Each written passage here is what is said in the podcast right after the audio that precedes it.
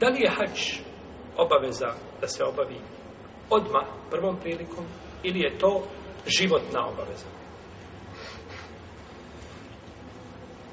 Džumhur uleme od njih su Ebu Hanife po ispravnijem rivajetu i Ebu Jusuf i Malik i Imam Ahmed kažu da je hađ obaveza kakve prirode? Trenutne po prvoj mogućnosti da je čovjek dužan, znači da obavi hač, ako ispuni uvjete, znači e, koji ga obavezuju na hač i same uvjete ili koji ističu hač. Ako okasni sa hačem, kažu ovi učenjaci da je griješan. Radi ajeta, volillah, jal nas, hičul bejt. Ljudi su duže radi Allaha da obavi hač. I hadis smo spomenuli da je poslanik sam rekao ejuha nas inna Allaha katabe alejkum al-hajj fehujju o ljudi Allah vam je propisao hadž pa obavljajte hadž znači naredba je došla a u naredbi je osnova da se obavi prvom mogućom prilikom znači prva prilika koja čovjeku ispravlja i došlo je u hadisu da poslanik sallallahu alejhi ve kaže men rada al-hajj fel yata'ajjal ko bude htio da obavi hađ, neka požuri. Neka šta? Požuri. Ali hadis daji, bilježi ga ima Mađe i bilježi ga ima Mahmed. Pa je hadis u ovom kontekstu neispravan.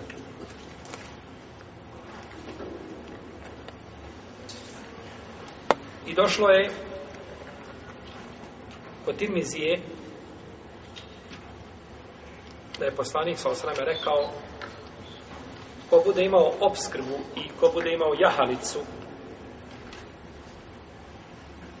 pa ne obavi hađ, svejedno mu je da li umro kao židov ili kršćan. Znači, ako ne obavi hađ, svejedno mu je, je umro u tom stanju, halu, ili umro kao židov, židov ili kršćani. No, međutim, ova predaja je dajiv. Ova predaja nije vjerodostojna od poslanika, sam ispravno je da su ovo riječi Omara. I kao riječi Omara, to je došlo sa vjerodostojnim lancem i ovo je poznat kod islamskih učenjaka, da li je određena predaja a, da li je meukuf ili merfuo. Da li se to pripisuje poslaniku, sallam, ili se pripisuje ashabu. Ispravno je da su to riječi ashabu.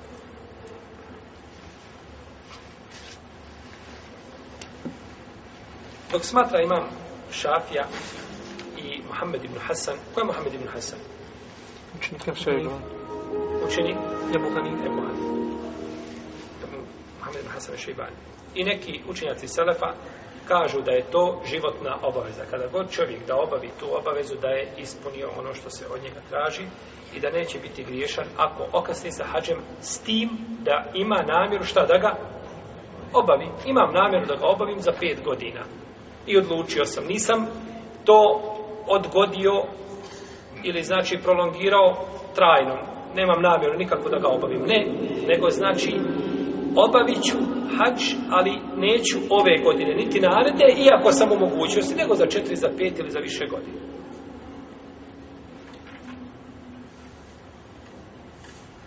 I to dokazuju postupkom poslanika, sallallahu alaihi sallam. Koje godine je bilo oslobođenje Mekke? Molim. Osme. Osme hijđarske godine. A poslanik sa osame obavio hađ koje zadnje godine pre smrti. Desete. Jer on je preselio sa Allaho ali i osaleme. Znači nakon hađa možda nekih tri mjeseca. Kaže 80 dana. Do 90, znači prilike nekona tri mjeseca. A, pa nije obavio hađ odmah po šta oslobođenju? Mekke. Prve godine.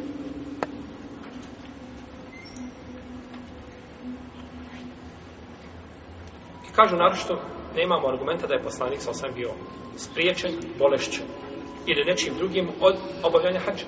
Pa dok ga nije obavio, ukazuje da to nije šta. Trenutna znači obaveza.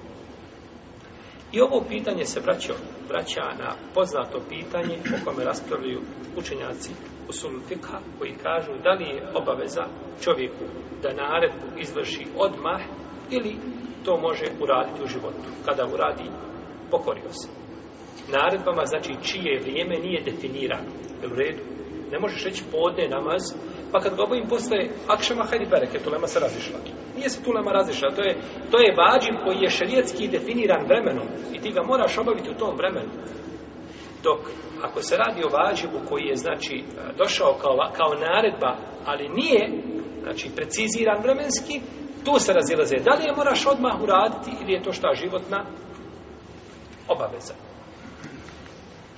U svakom slučaju, nema sumnje da je čovjek u boljenju da obavi hač prvom priliku. Jer ne znaš kako, kakav ćeš biti materijalno. Ne znaš kakav ćeš biti zdravstveno. Ne znaš kakve će biti okolnosti oko tebe. Ne znaš hoće li možda toliko tvoja vjera izgrijediti pa da, da nemaš nekakve volje da ideš na hač. Pa da to vjere ostane koliko svijeća da se gasi. Pa je čovjek upreće i bolje da to obavi. A svakako da obavljanje hađa, braćo, to je tempirana bomba u čovjeku. Čovjek koji obavi hađa, pogledajte ga tri mjeseca nakon povratka sa hađa, on je kao brdo, kao čelik. Jer tu se fila i tu puni, znači, sebe imanski na tim mjestima. Ako ga ne napuni u tim mjestima, onda mu odmah kada se vrati, tek bira. Odmah ga živa pokopajte. On ne treba, znači, ko na hađu ne uzme pouku, njegov se ima ne poveća na tim mjestima, treba odmah da sam sebi džena zupanje. Jer takav Allah zna kakvim je ciljem otišao na hađu. A, tako da je čovjeku preče i bolje. I onda, braću, ne znam čovjek kada će preseliti. Ko vam može garantovati da ćete dočekati caba? I preseliš i vratiš se gospodara za uđelje bez hađa, a imao si mogućnost da ga opravi, obaviš. Je u redu? Dobro, kada bi imao ti mogućnost da danas zaradiš 1000 eura u jednom danu, imaš tu istu mogućnost nakon tri mjeseca. Bili čekao tri mjeseca, ti ne bi mogao spavati cijelo večer do strove da to uradiš. Pa zašto, zašto nemamo iste aršine kada je u pitanju vjera i kada je u pitanju nagrada? Možda budeš mogao obaviti hač nakon ove godine svake godine. Jel u redu? A ti ga nisi obavio ove godine i više ga ne možeš obaviti, taj će ti hač osjet krnje. U svakom slučaju, obaviti hač, požuriti sa hađom je hajri bereket, a odgoditi hađ je stvar jedan veliki upitnik koji stavio spred sebe, treba odgovoriti na njih. Pored toga, kažemo, jeli, pored razilaženja, jeli, koje ispomio islamski učenjaci. Braćo čovjek, po, hač povećava čovjek obskrbu njegu, povećava mu bereket u svemu.